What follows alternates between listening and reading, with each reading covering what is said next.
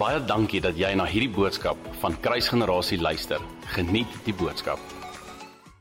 Julle wil deel, ek dink aan 'n storie voor ek in my notas ingaan in Lukas 7. Julle is dit so profound waar Simon the Pharisee Um ek dink altyd so um aan die fariseërs for some reason het hulle gedink hulle is baie slimmer as Jesus. Hulle is baie slimmer as hulle eie creator. En dan Jesus altyd op sulke creative ways gekom. Hy sal baie keer afsak en sommer iets teken in die sand en dan is hulle super kwaad vir hom en dan loop hulle en dan he was just a unique man. En so Simon the Pharisee nooi Jesus in om by hom te kom eet. En uh in daai verhaaltjie is daar 'n vroutjie wat inbars en sy huil so voor oor Jesus se voete dat sy met haar hare sy voete was en sy soen sy voete. Dan op 'n stadium dink die fariseer daai fariseer, hy dink in sy kop, hy praat dit nie hardop nie. Hy dink by homself. Soos wat hy langs Jesus staan, ehm um, dink hy by homself, maar sekerlik is hy nie 'n ware profeet nie, want hy sal nie hierdie toelaat nie. As hy 'n ware profeet was, volgens die kultuur van daai tyd, sou hy nie toelaat dat hierdie vroutjie dit doen nie.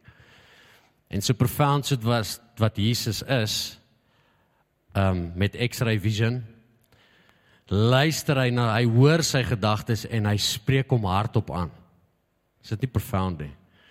En hy sê vir hom ehm um, hy verduidelik die die vergelyking van die wat min so, die wat dink hulle het min sonde maar wat vergewe word vir daai min sonde, hulle response en hulle liefde is min. Maar die wat se sonde baie is en wat vergewe is vir daai baie sondes, hulle response tot hom is groot. En hy sê dit nie nogal baie van self-righteousness nie, nê. En hy sê vir hom, luister, ek het in jou huis ingekom Hierdie vroutjie het tot nou toe nie opgehou om my voete te soen nie en jy het my nog nie eens iets gegee om te drink nie. En uh julle weet julle as ek dit persoonlik kan maak in die huis, um ek glo in my hart dat uh hierdie fariseer spesifiek um se begeerte was nie om deur Jesus beïnvloed te word nie. Maar miskien dalk net om saam Jesus gesien te word omdat hy gehoor het van hierdie Jesus Daar's genesings besig om te gebeur. Die skade is besig om hom te volg. So miskien wou hy maar net daai boksie tik van kyk, ek is ook saam Jesus. En ek wil jou die vraag vra, hoeveel keer in ons lewens of hoeveel keer kyk ons na mense en hulle word saam met Jesus gesien? Hulle is by al die konferensies, by al die oggenddienste. Jy kry mense wat sê ek het al 20 jaar is ek in die kerk, ek het my lewe gegee vir die kerk. Newsflash, Jesus het nie gesê that God so loved the world that he sent his one and only church nie. Hy het gesê God so loved the world that he sent his one and only son. So jy kan nie jou lewe vir die kerk gee nie, jy moet jou lewe vir Jesus gee. En so hoeveel van ons woonkonferensie of hoeveel ons kyk na mense hulle woonkonferensies by hulle die bumper stickers, hulle het alles, die MPs. But they are only seen with Jesus. They are not influenced by him. En omdat hy die gees van godsdiens in hom gehad het, Hy was hy so gefokus op wat volgens hom hierdie vroutjie verkeerd doen dat hy Jesus in die kamer gemis het. En hoeveel keer kom ons in die huis in en ons kyk na iemand wat hier voor die vlaas swaai of miskien in snot en trane huil en ons frown 'n bietjie en ons sê so oh, Miskien is jou hart dan net soos daai man se hart.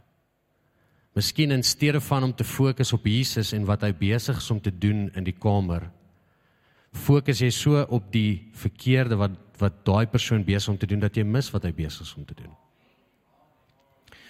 So ek wil julle regtig encourage is um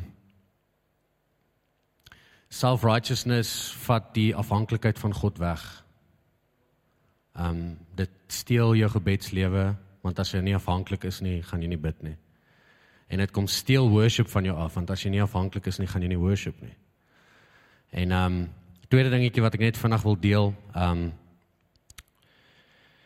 is ek ervaar die Here sê dat dat ons moet leer wat dit is om net in sy teenwoordigheid te wees.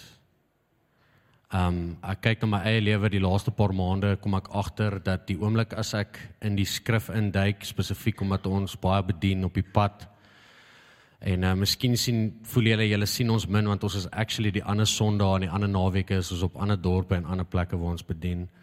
En ek kom agter my eie hart as 'n seun van God dat ek ehm um, pressure ervaar. Ek ervaar druk want dit is asof ek ervaar jy's maar ons is in die bediening en ek moet heeltyd op die bol wees want ek verteenwoordig hom. Mense het 'n verwagting. En min het ek agtergekom dat die oomblik as ek in die skrif induik en ek begin lees, dan bly die skrif ver van my af want ek soek eintlik maar net 'n boodskap wat ek kan oordra. En die Heilige Gees praat met my en hy sê Enrico as jy in die skrif ingaan, is die skrif eerste vir jou. En ek kom agter hoe ek oor tyd maar net druk op myself begin plaas het en hoe ek in my binnekamer saam met hom tyd spandeer en die oomblik as ek deur my lysies en my rotines wil gaan, dan hoor ek hoe stop die Heilige Gees my en sê ja, bly net bly net bietjie stil. Sit net en geniet my teenwoordigheid. En Ray Hughes, ek kom hierdie week op 'n quote af wat Ray Hughes gee. Yes, julle is profound. Oor die ding dat ons dink die verantwoordelikheid is ons sin, nê? Nee? Jy moenie worry nie, Here. Ek weet wat u koninkryk nodig het. Ek sal sommer voor u inkom. Hierdie is ek sal hierdie ding doen. En hy sê 'n profound ding. Hy sê too much responsibility or unhealthy responsibility kills responsibility.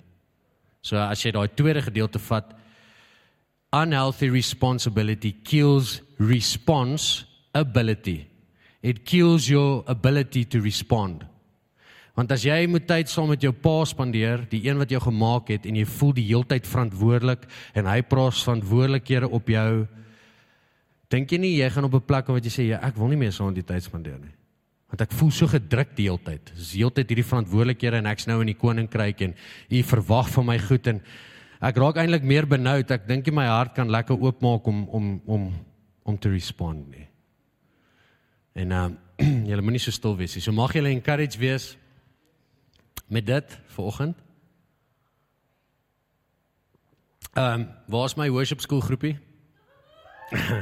Mooi. Ons het gister 'n worship school aangebied in Witbank. Nou so 3 sessies van 9 tot 4 die middag, dit was so lekker. Haar laaste sessie het hulle uitgehaal en die dak gelig en lekker geworship en um, ek uh, julle ek wil so 'n bietjie chat vanoggend oor dit spesifiek oor worship so ek ek het hulle in die loop gesit gister. Sê sorry, julle gaan dalk baie goed weer vanoggend hoor, maar is nie omdat ek lui is nie. Is omdat ek regtig voel die Here wil iets in ons harte wakker maak vanoggend. So ek wil um eintlik bietjie chat oor wat is worship in essence En ek weet julle het dit al 10 10 en baie gehoor, maar die beauty daarvan is is dat elke ou dra 'n unieke taal oor wat hy beleef, whether dit is oor geloof, oor worship, jou verhouding met hom. So dis hoekom ons mekaar nodig het en ehm um, ek wil begin met die inleiding. Ek gaan so 'n bietjie chat oor 'n leefstyl van worship en dalk miskien vir julle so 'n bietjie taal gee rondom dit as julle oukei okay met dit. Ek hoop so. OK. So ek wil net begin met 'n inleiding en vir julle sê ek ervaar regtig in die tyd wat ons leef dat God is besig om die tabernakel van Dawid te herstel. Nou die oomblik as mens dit sê dan gaan dit oor baie ouens se koppe en hulle sien geboue en tentjies en ek weet nie wat alles hulle sien nie. But it's it's very profound that wat is besig om te gebeur. Ek wil vir julle sê dat dit is in die DNA van die bruid ingebou en ingeweef dat sy in die donkerste uur van die wêreld gaan opstaan dat sy nie oorweldig gaan word deur die donkerte nie. Almal is soos kyk waantoe is alles op pad. Ehm um, maar God het dink jy nie God het geweet nie. Sê asof God sê o ja, ek gaan iets moet doen om my bruid want ek het hierdie nie sien kom nie. Ek is totally verbaas. Hy weet alles. So hy is besig om iets in die bruid wakker te maak. Ons is in 'n seisoen waar die skape nie van die bokke geskei word nie, maar die skape van die skape geskei word. Daar is duidelik 'n skeiding besig om plaas te vind en die skrif praat ook daarvan van die wat met alles in hulle meer as ooit agter Jesus sal aanhardloop en hulle teen en hulle lewens in sy teenwoordigheid bou. En so in Amos 9 vers 11 profeteer hy en hy sê die volgende: In that day I will restore David's fallen shelter. I will repair its broken walls and restore its ruins and will rebuild it as it used to be so that they may possess 'n belangrike woordjie the remnant of Edom and the nations will bear his name. so miskien moet ek julle 'n bietjie agtergrond gee. Ekskuus as ek hier en daar 'n bietjie vinnig gaan, maar ek besef ons tyd is limited dalk. Maar kom ons kyk wat die Gees doen as jy okay. Ehm um, die tabernakel van Dawid is profound dat God kom en hy kies 'n een eenvoudige skaapwagterseentjie wat verlief raak op God onder die sterre met sy bietjie skapies en sy harpie in 'n tyd van totale chaos in die land, want koning Saul is in beheer. Koning Saul wil eintlik niks met God se raad te doen hê nie. Hy volg elke keer sy eie wil. En ons weet hoe dit sy lewe geëindig, maar God roep hierdie jong man, die jongste broer van al sy broers, ek dink van 8. God sê vir vir Samuel, jy kyk nie na die uiterlike nie, maar jy kyk na sy hart, né? Nee? Hoe het jy al gewonder hoe kies Jesus? Het jy al hierdie skrif gelees? Wie het hy gekies die besonderse unieke karakters wat hy gekies het? En Jesus kom en hy sien iets in Dawid se hart raak en hy berei hom voor onder die sterre waar niemand kyk nie. Hy gaan daardeur 'n klomp beproewinge en challenges wat ons gesien het in 1 Samuel 17, right? Waar hy persist en en en die koning koning Saul kyk vir hom en sê, "Boetman, jy's te dun en te min. Jy gaan nie hierdie mannetjie kan vat wat hier voor jou staan nie. Hy's baie groter as jy. Hy's van kindsbeen af getrein." En Dawid kom en die skrif sê hy persisted en hy het vir Saul gesê maar jy verstaan nie. Daar waar niemand kyk nie toe die beer gekom het het ek die beer verslaan. Toe die leeu gekom het het ek die leeu verslaan. Hierdie Filistyn no match man. Is maklik. Ek's voorberei vir hierdie. But it all happened in a place where nobody saw. En Dawid het daar verlief geraak op 'n koning op sy creator. En wat so profound is Samuel kom en ek dink hy anoint hom, hy salf hom as koning, ek dink op die ouderdom van 14 of 16. Maar hy word eers aangestel as koning hoeveel jaar later? 14 jaar later. Hoeveel van julle sit hier met woord? Jy is laas Sondag, jy's 'n week terug gesalf. Die Here sê jy gaan 'n besigheid begin en nou wag jy, pappa. Waar's Here, waar's daai besigheid? Dis nou 'n week later, is al 7 dae. Waar's hy? David waited 14 years en hy het nog onder 'n ongoddelike koning gedien ook in daai tyd waar hy vir Saul kon doodmaak maar hy het nie want God het 'n ander plan gehad. Hy submitted to a higher will. So kom hy hy word aangestel op 30 jong mannetjie. Soveel wysheid gees vervuld word hy aangestel. Wat is die eerste ding wat Dawid kommunikeer? Sy eerste begeerte en dit wat hy gaan in plek kry in sy koninkryk. Hy sê vir die manne bou vir my die mooiste kasteel want ek is koning Dawid. Ek het 14 jaar gewag vir hierdie geleentheid. Ek soek die mooiste kasteel dat almal kan sien wie ek is. Is dit wat hy doen? Die eerste ding wat hy aankondig, hy roep almal, sy militêre leiers almal bymekaar. En hy sê vir hulle gaan uit en gaan verkondig die volgende dat ons gaan God se teenwoordigheid terugbring back to its rightful place waar dit hoort want in die dae van Saul was dit nie lyk like, blykbaar nie belangrik geweest nie. Maar hoekom doen Dawid dit? Want Dawid het as 'n jong seun, het hy verlief geraak en hy het besef wat God se teenwoordigheid doen en hy het besef dat hy kan nie sonder dit nie. Klink dit nie bekend nie wat het Moses vir God gesê? As die teenwoordigheid nie saam met ons gaan nie, ons gaan nie die ding doen nie. En Dawid maak hierdie skuif en die eerste ding wat hulle gaan doen is hulle gaan haal die teenwoordigheid van God the ark of the presence. En die eerste keer doen hy dit verkeerd en God slaan vir Uza dood want ek dink hy het per ongeluk geval en toe vat hy aan die ark en God was baie particular hoe hy goed wou gehad het. Die teenwoordigheid beland in Obed-Edom se huis, het jy dit al gelees? Die skrif sê dat Obed-Edom se huis was gebless en die ark van God se teenwoordigheid was daar vir 3 maande. En ek kan net by myself dink, soos wat die skrif sê dat sy huis geseën was omdat God se teenwoordigheid daar was, dat hy nog vir een oomblik met 'n donkiekar werk toe gegaan en met 'n Ferrari huis toe gekom. Die blomme het begin bloei blo, uh, uitsprei rondom sy huis en sy kinders het Dolce & Gabbana begin dra en Lacoste skoene. Mense kon sien hierdie ou's gebless. Ja, nee, dit klink baie prosperity. Ja. Ja, maar die die feit bly staan dat hulle kon sien dat Obed-Edom geseën was. Nou soveel so dat Dawid besef hy ek besef hoe jaloers ek is op God se teenwoordigheid. Ek kyk hoe gebless is hy. Ons moet daai ons moet God se teenwoordigheid skuif back to its rightful place. Die profound ding van Dawid, julle is as jy gaan kyk na, so ek gee nou net 'n inleiding, is julle okay? According to the genealogy of Aaron, en die hoëpriesters wat onder Aaron gekom het wat neergeskryf is in in in 1 Chronicles van 1 Kronieke af is Dawid nie ingesluit as 'n hoëpriester nie. Maar die profound ding van Dawid is is hy doen alles wat 'n hoëpriester doen. en nog meer, want hy plaas soveel waarde op God se teenwoordigheid dat hy het 'n diep begeerte in sy hart en hy sê in die skrif dat I will not rest until I have created a dwelling place for God's glory. And hy het gesê I will not rest until his glory manifests in the city. So hy kom en hy skep 'n dwelling place vir God, 'n plek waar God se teenwoordigheid is.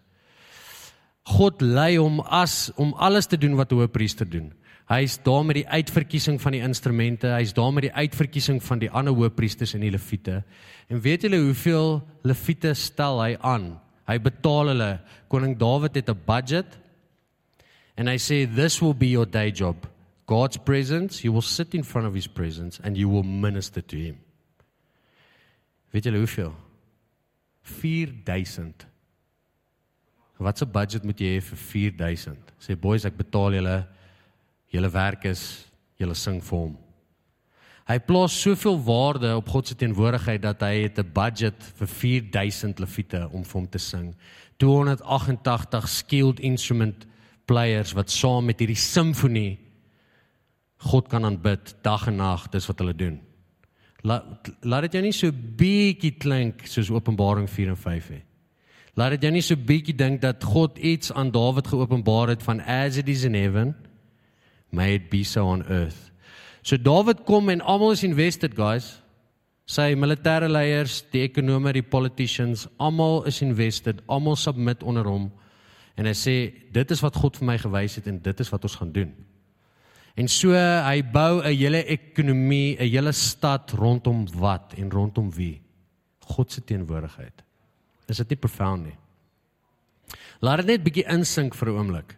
Dis maklik om nou te sê ja, 4 dae. Weet jy Laron, hy het obviously nie voorreg gehad om die tempel te bou nie, maar as jy gaan kyk hoeveel goud het hy eenkant gesit, as jy gaan kyk hoeveel brons en silwer en kosbare cedar wood hy eenkant gesit het vir die bou van die tempel, dan sal jy besef dat hierdie ou het nie games gespeel nie. Dat hy het regtig 'n droom gehad om 'n extravagant place te bou vir God se teenwoordigheid. Sorry as ek so 'n bietjie mengels praat. Lekker mengels. Ja, sorry vir my toeneus. Um um so wat so beautiful is, ek wil net dit sê rondom Dawid. Hy het e, even soos wat hulle in Engels sê, he wore linen, a linen ephod, 'n hoë priestelike linen drag het hy gedra. Even toe die teenwoordigheid van God deur die die stad van Dawid kom het hy mos voor die ark gedans. Onthou julle dit? Weet julle hoekom het hy linen gedra? En een of een of hoekom was dit reël daai tyd as uh, volgens Jesegiel 44 dat die hoëpriesters linne moes dra? Dit staan daar in Jesegiel 44 dat hulle mag nie wol gedra het nie.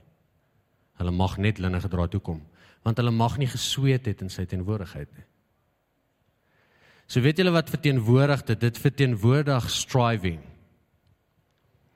dat wanneer jy sweet in sy teenwoordigheid, wanneer ons in sy teenwoordigheid kom en ons voel ons moet werk vir iets of ons moet werk vir sy goedkeuring of ons moet dieper indruk want ons dink hy gaan ons meer seën.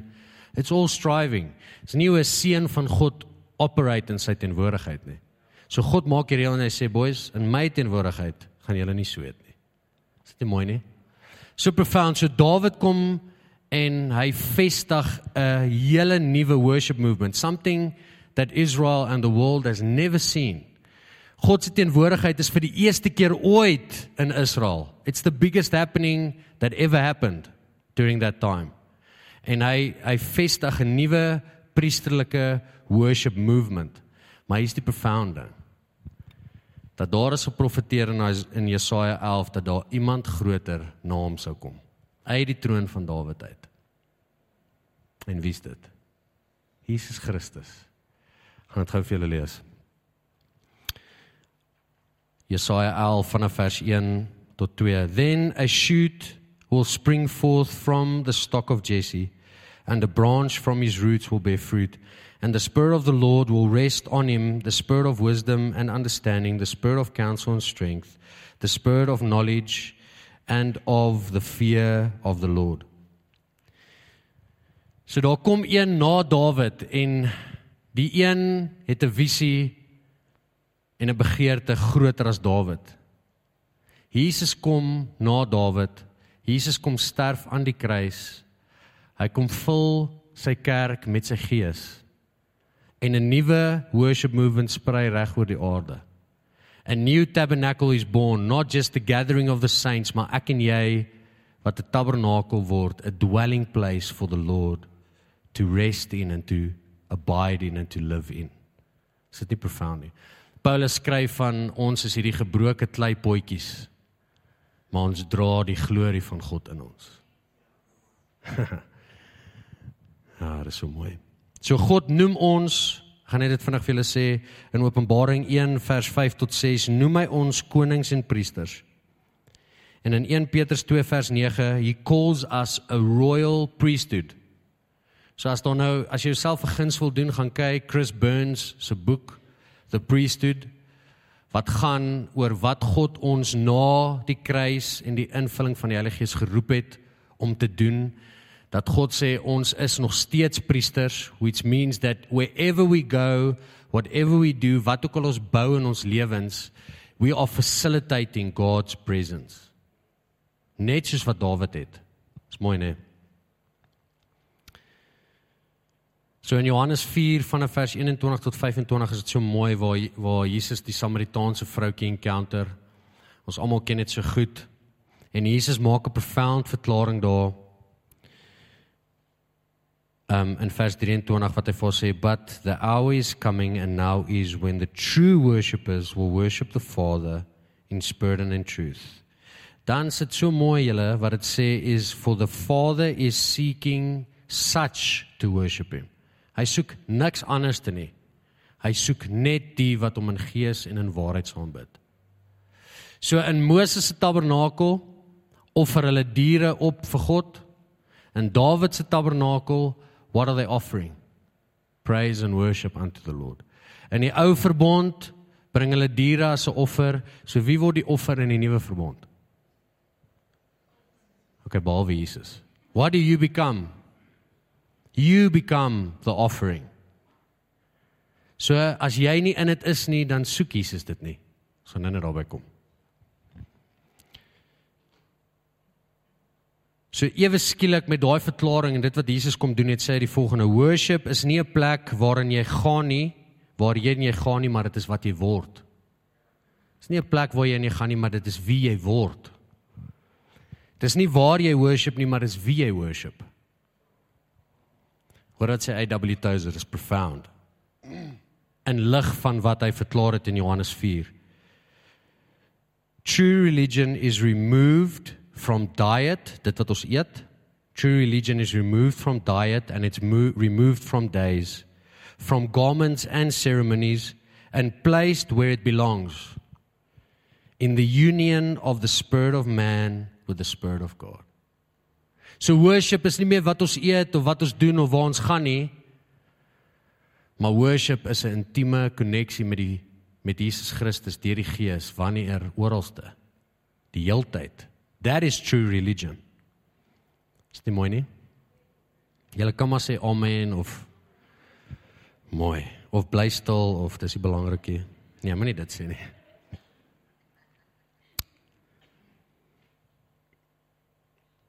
OK. Johannes 14 vers 25 sê die volgende aangaande die Gees wat in ons woon. All this I okay, so wat eintlik hier gebeur is Jesus sê vir hulle boys, ek gaan na my Vader toe om vir julle plek voor te berei. En dan sê hy daar, ek stuur vir julle 10 geeste. Kies vir julle een. Wanneer jy wil weet om 'n pa te wees, kies gees nommer 1. Wanneer jy wil weet om 'n ma te wees, kies gees nommer 5. Is dit wat hy sê?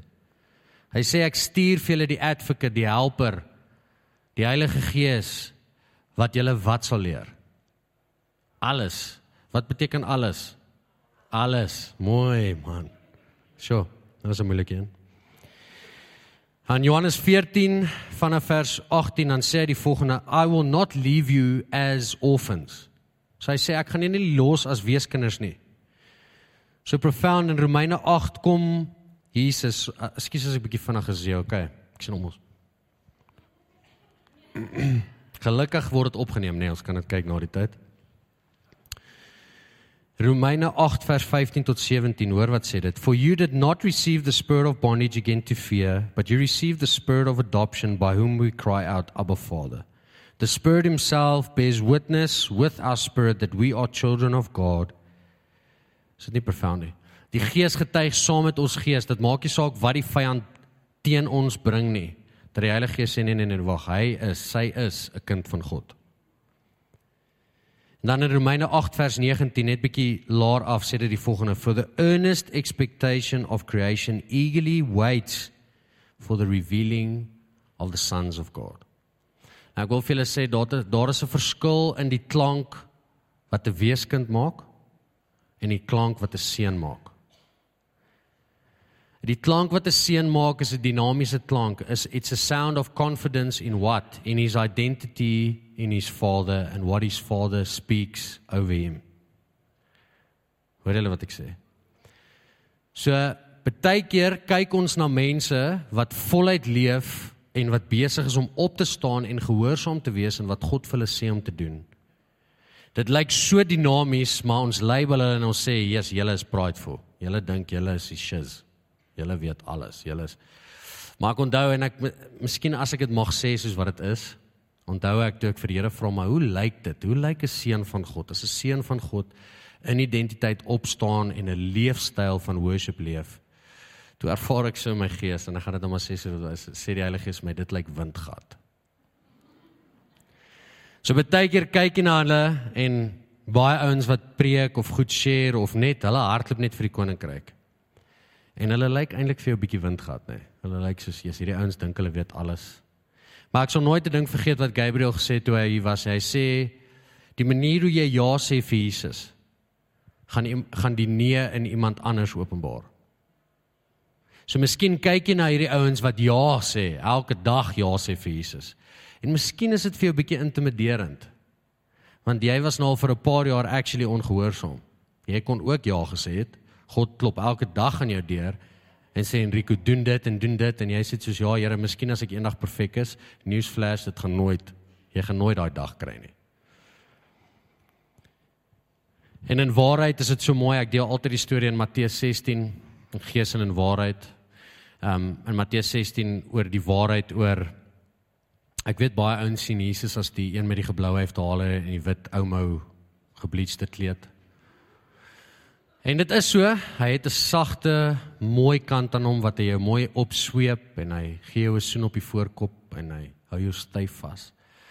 Maar ek sien Jesus as hierdie rugged Joodse man wat glo dit of nie grappies saam met die disippels gemaak het. Nee, maar Rikkos mag nie lag nie.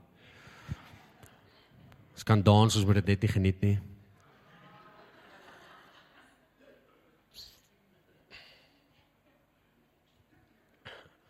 Ek deel dit laas Saterdag uh in Standerton by 'n gemeente deurlik dat on deel ek hierdie in daar's daar's nee, nie 'n vroutjie nie. Daar's 'n gees wat baie offens gevat het. So die vroutjie is sommer vinnig uit. so ek weet nie sy lag dalk nie saam met Jesus nie, maar.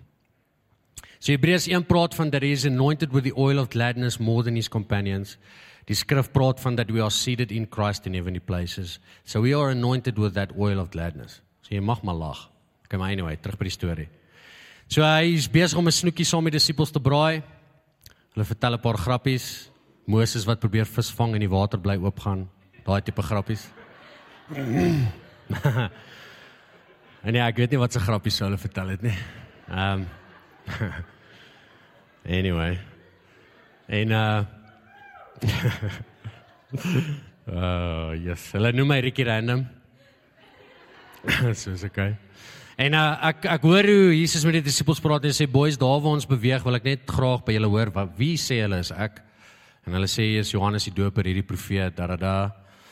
En die atmosfeer raak so 'n bietjie ernstig en hy sê boys alle grappies op 'n stokkie nou. En hy kyk reguit vir hulle en sê okay maar wie sê julle is ek? Nê nee?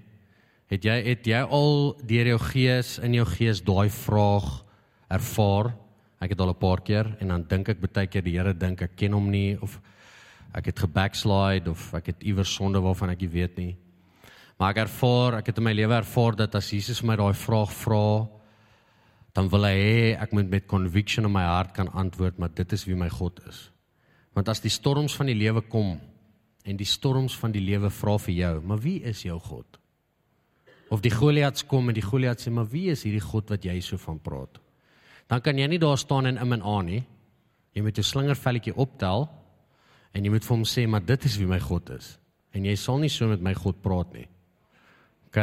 So in die tye waarin ons ingaan, it has to be anchored within your soul dat jy met conviction kan antwoord en nie uit godsdiens nie, maar uit verhouding, maar dit is wie hy is. Hy kyk elke dag in sy oë. En dit is so mooi hierso hoe Simon Simon se naam verander na Petrus toe want hy kry deur die Vader 'n openbaring nie deur vlees nie oor wie Jesus Christus is. En wat sê Jesus daar? Beautiful, want nou kan jy in my ingroei as 'n seun van God. Op wat? Op die openbaring van wie Jesus is, op geen ander openbaring nie. Maar net wie Jesus is. OK.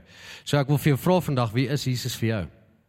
Weet dis 'n vraag wat ons baie vra, maar ons kan dit nie ophou vra nie. Jy moet elke dag vir jou vra die vraag vra, maar wie is God vir my? Wie is Jesus vir my? Paulus skryf dit in Efesiërs en hy sê met the spirit of revelation in the knowledge of who he is, mag dit jou hart kom vrymaak van alle leuns en verwronge idees oor wie hy is. Right. Betekenis van worship. It's beautiful. Okay, die Griekse woord is proskuneo wat letterlik beteken to kiss om te soen to kiss in reverence of. Is dit mooi nie? Ek weet nie of jy al die ou movies gekyk het van die konings in hulle paleise en dan die diensknegte kom en sak op hulle knieë af en soen sy hand of sy ring. Kyk nie regtig in sy oë nie. Dis die prentjie wat jy moet kry. Want dis die ding, julle, Jesus is ons broer. Hy's ons vriend, maar hy's nie ons chommy nie. OK, hy's nog steeds die een voor wie ons buig, wie ons soen in vrees vir wie hy is. So kry jy die prentjie proskuneo in Grieks. In Hebreëus is dit shacha wat beteken nie to bow down net tot op jou knieë nie, maar letterlik soos wat hulle in Engels sê to be prostrate before the Lord, soos plat op jou gesig voor die Here, voor op jou aangesig. So dit teken dit skets vir ons hierdie beeld van totale oorgawe. Total surrender en totale erkenning dat hy God is en ek is nie God nie. En ek hy's so groot dat ek kan nie help as om voor hom te buig nie. Dit is so mooi ons sien dit in Openbaring 1 van vers 9 tot 18. Die geliefde disipel Johannes is op die eiland van Patmos en hy word in hierdie beeld ingevat. Ons ken dit baie goed. Hy hoor iemand agter hom that has the voice like a trumpet. Hy draai om en tot sy verbasing sien hy die een teen wie hy sy kop altyd geleun het op sy bors. Hy sien vir Jesus. Maar nou as hy vir Jesus sien, is hy nie meer daai een net by die die supper table nie, die dinner table nie. Hy is nou die een op die troon. Hy is die een in sy heerlikheid. En is dit so profound hoe dit hy sê in vers 17, and when I saw him, I fell at his feet as dead. Die vrees van God vul hom so dat hy hy gaan amper dood. Weet jy of julle kan onthou nie toe Moses vir God vra, baie braaf vra, show me your glory. Toe sê God vir hom, my seun, jy moet een ding verstaan. Dat as jy vir my gaan kyk in my volle glorie, dan gaan jy doodgaan en ek wil nie nou jy moet doodgaan nie. Daar's 'n plan met jou.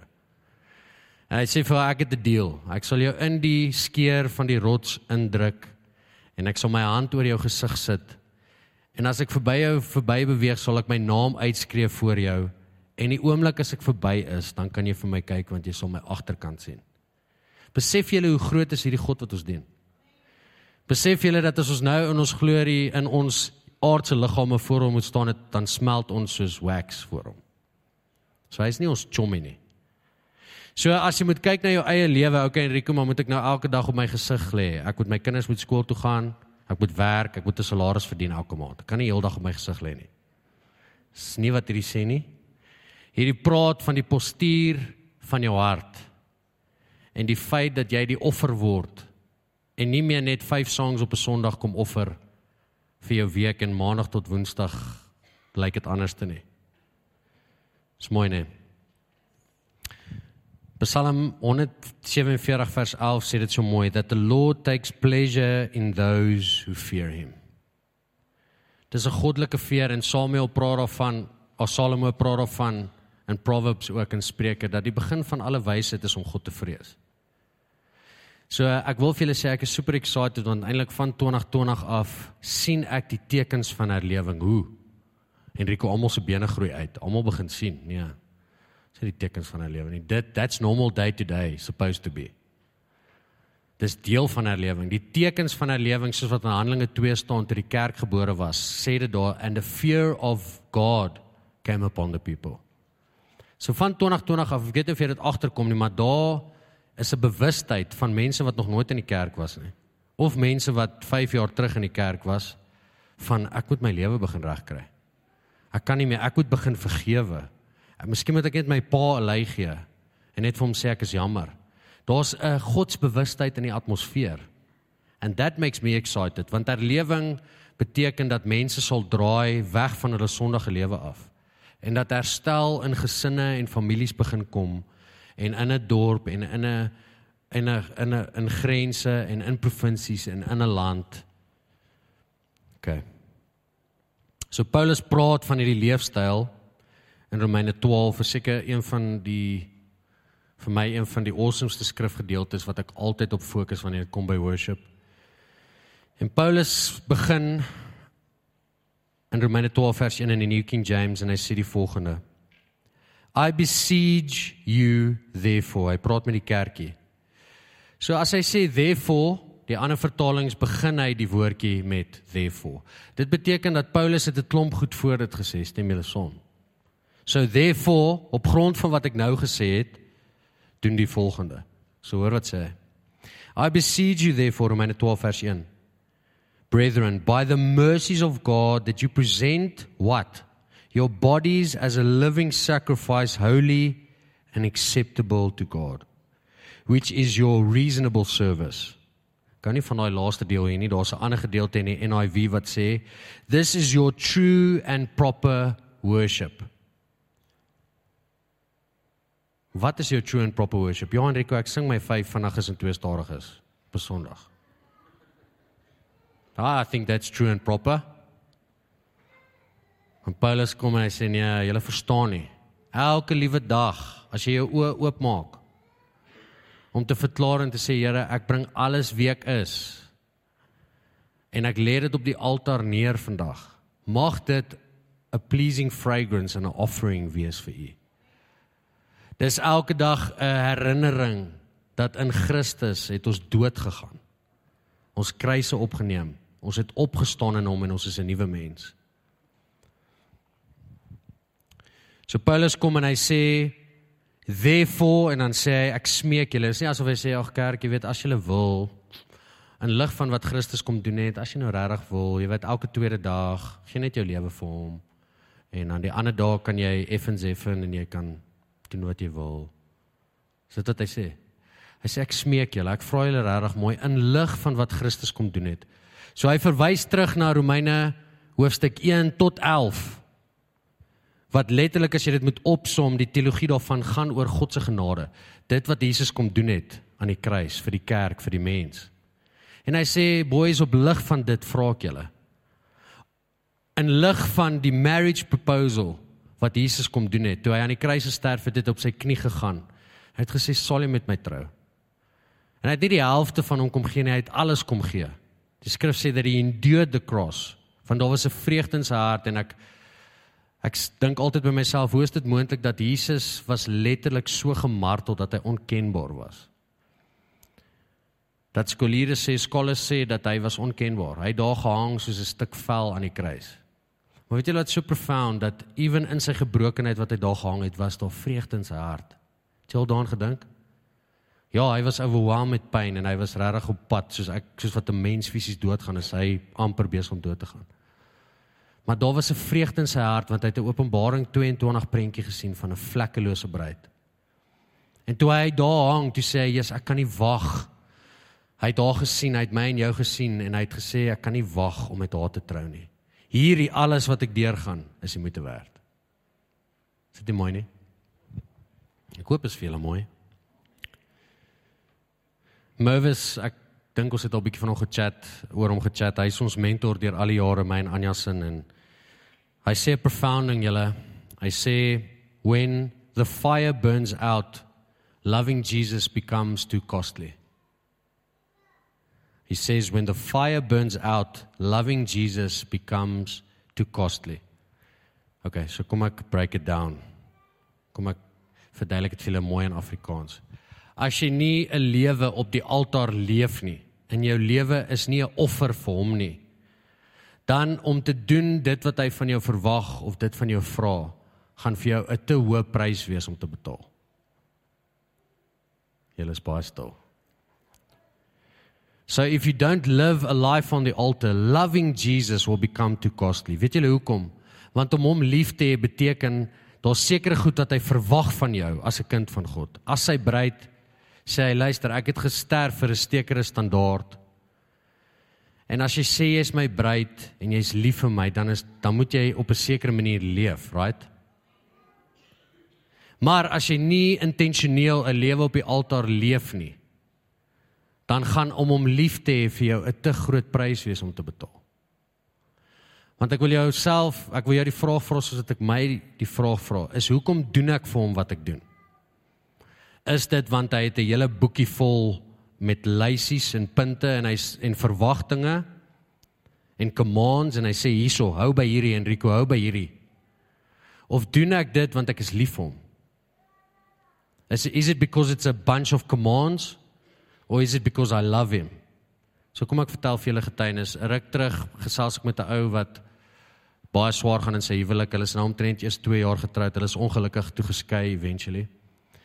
Maar hulle is nog jonk getroud. Hulle hulle was jonk getroud. Hulle was jonk en is nog jonk. En ek chat met hom en ek vra vir hom een vraag terwyl ons in die kar ry. Ek sê, "Dude, maar het jy haar lief? Het jy jou vrou lief?" En weet julle wat hy kon my nie antwoord nie. Want hy sit in daai toestand van sy hart sit hy op 'n plek wat hy nog soveel drome het. Sy eie drome. Wil nog die wêreld sien. Ag, het klomp besigheidsdrome en hy voel dat hierdie huwelik ding is 'n anker aan sy voete. Hy gaan nooit sy drome haal nie. He's these fleshly personal dreams en en hy kon my nie antwoord nie. Maar weet julle, hier's die ding en ek sê vir hom die volgende. Ek gebruik my huwelik as 'n voorbeeld. Ek sê vir hom, "Buddy, maar as ek sê ek is lief vir Anja en ek verklaar dat ek my lewe nie sonder haar kan insien nie. As gevolg van die feit dat liefde betrokke is, is dit maklik vir my om ander opofferings te maak, né? Nee? Dis maklik vir my om my vleeslike begeertes en my drome en my alleen goed eenkant te sit en te sê, "Oké, maar weet jy wat? Ek het jou so lief, ek kan nie sonder jou nie." So ek het ek ek sal met liefde om jou in my lewe te hou en omdat ek lief is vir jou, sal ek met liefde hierdie drome prysgee. Kom ons bou aan nuwe drome. Kom ons kom ons kyk wat kan ons saam doen. Maar as liefde as jy nie vandag in jou hart diep in jou hart kan sê Jesus ek het U lief nie en liefde ontbreek dan gaan Jesus altyd vir jou 'n vyand wees.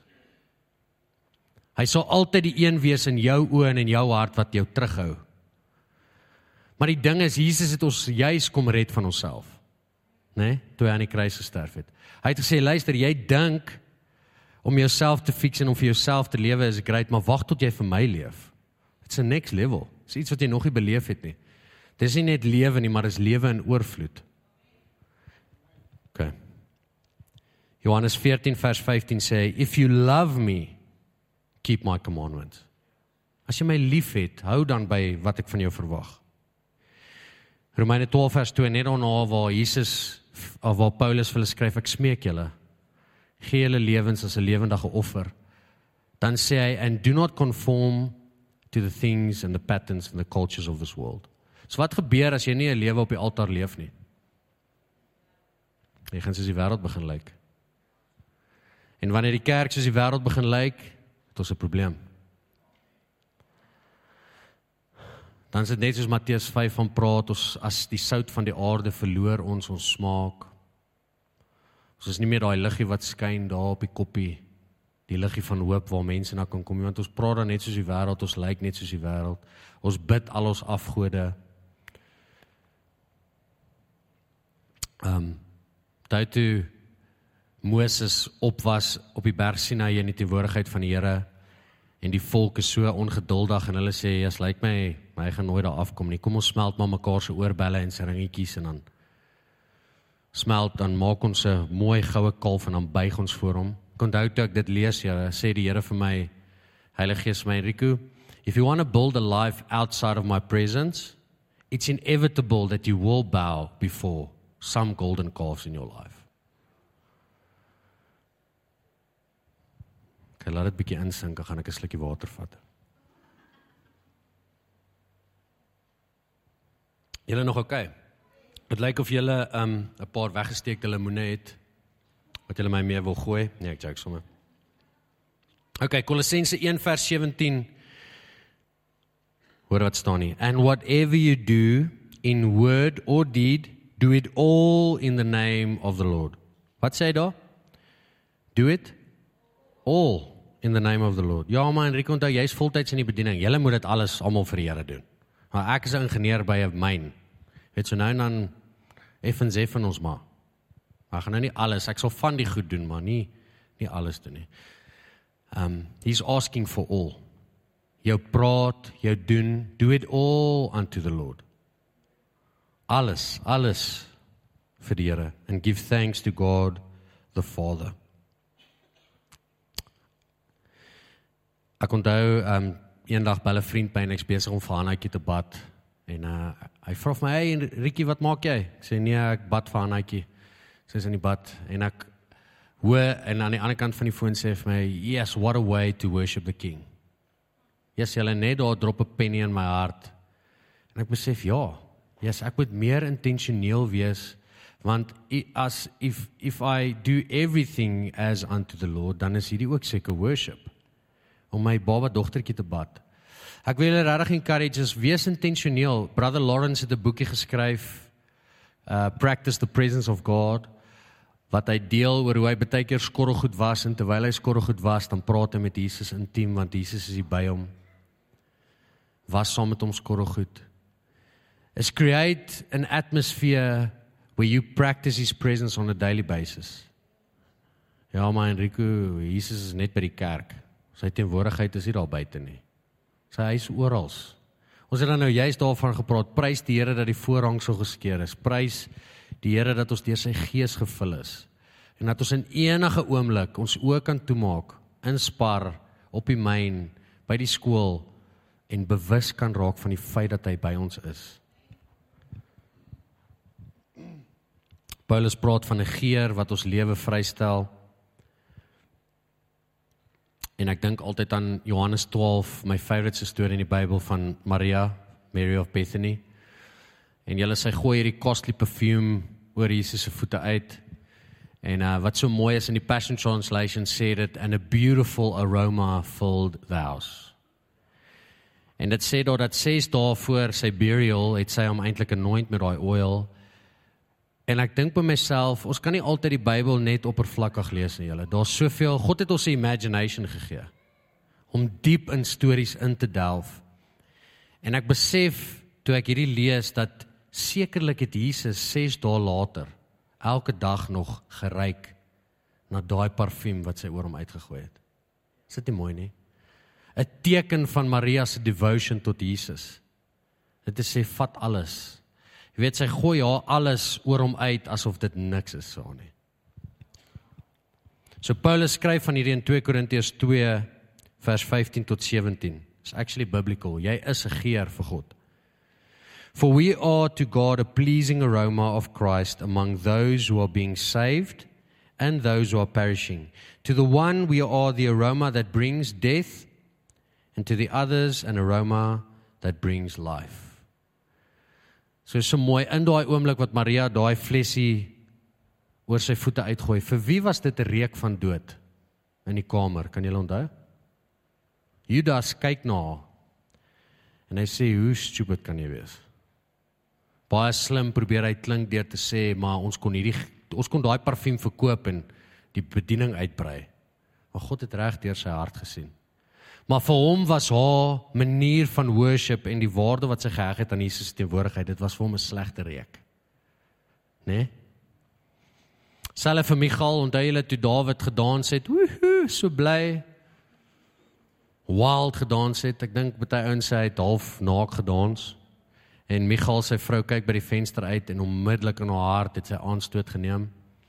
En toe hy die middag by die huis kom, sê sy vir hom liefie, Ek dink jy het een ding vergeet.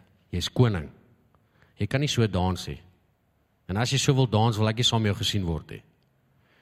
En Dawid reply en hy sê vir haar liefie, ek is koning. En ek is man van hierdie huis. Nee, ek sê ek is nie. hy sê for I will be even more undignified for him. So sy excitement oor Jesus se teenwoordigheid was 'n slegte reuk vir haar. OK.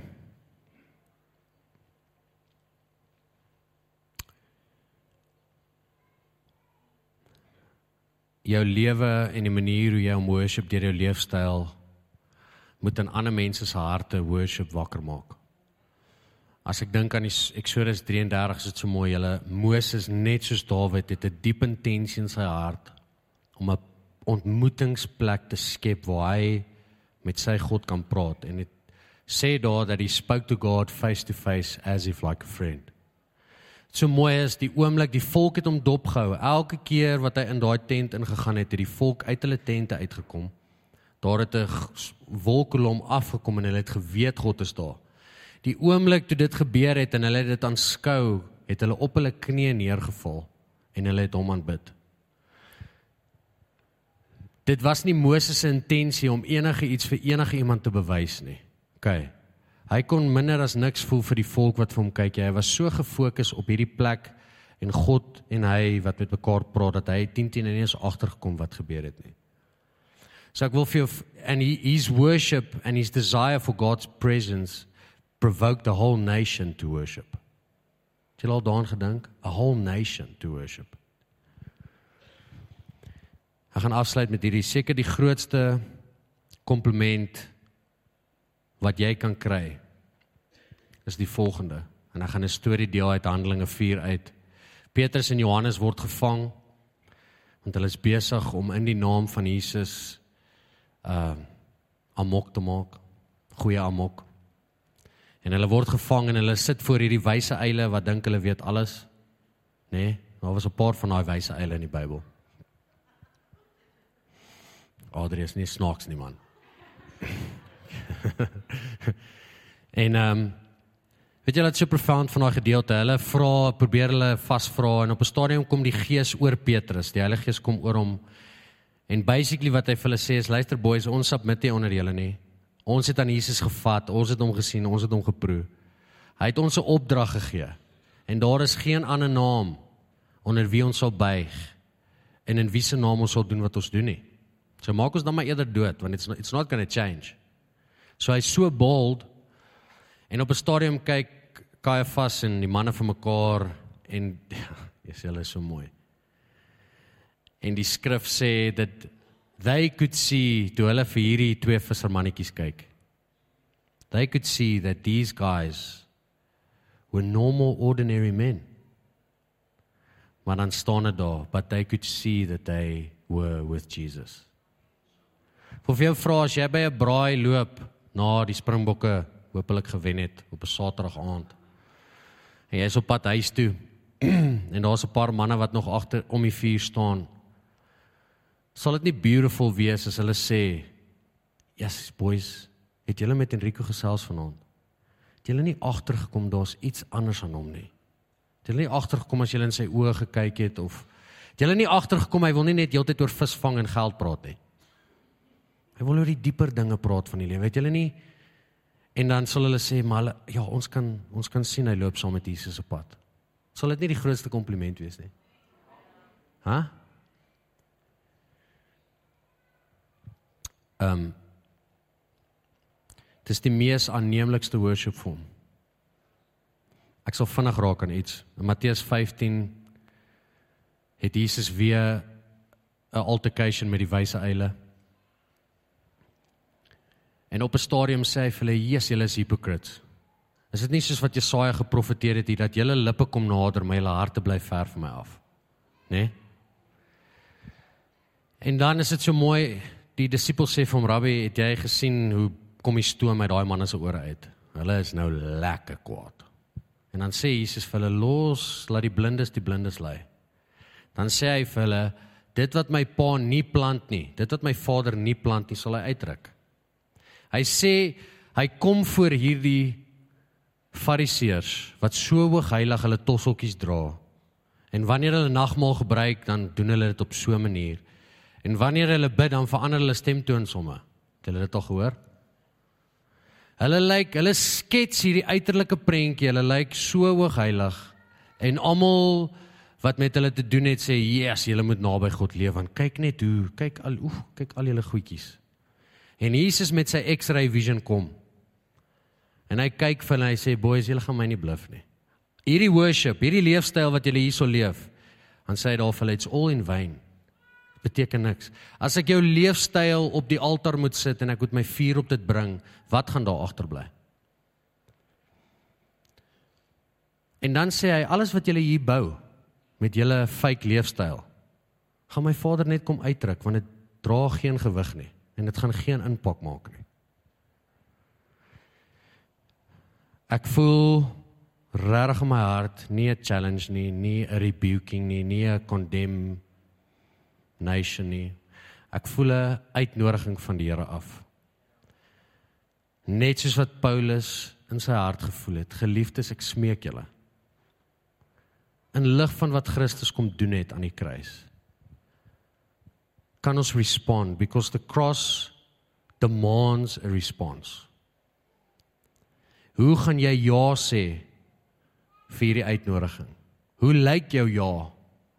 Nie jou 5 songs op 'n Sondag en dan jy satisfied nie. Weet julle wat die bietjie worship hierso op 'n Sondag moet net die cherry op die koek wees van jou week se wandel met Jesus.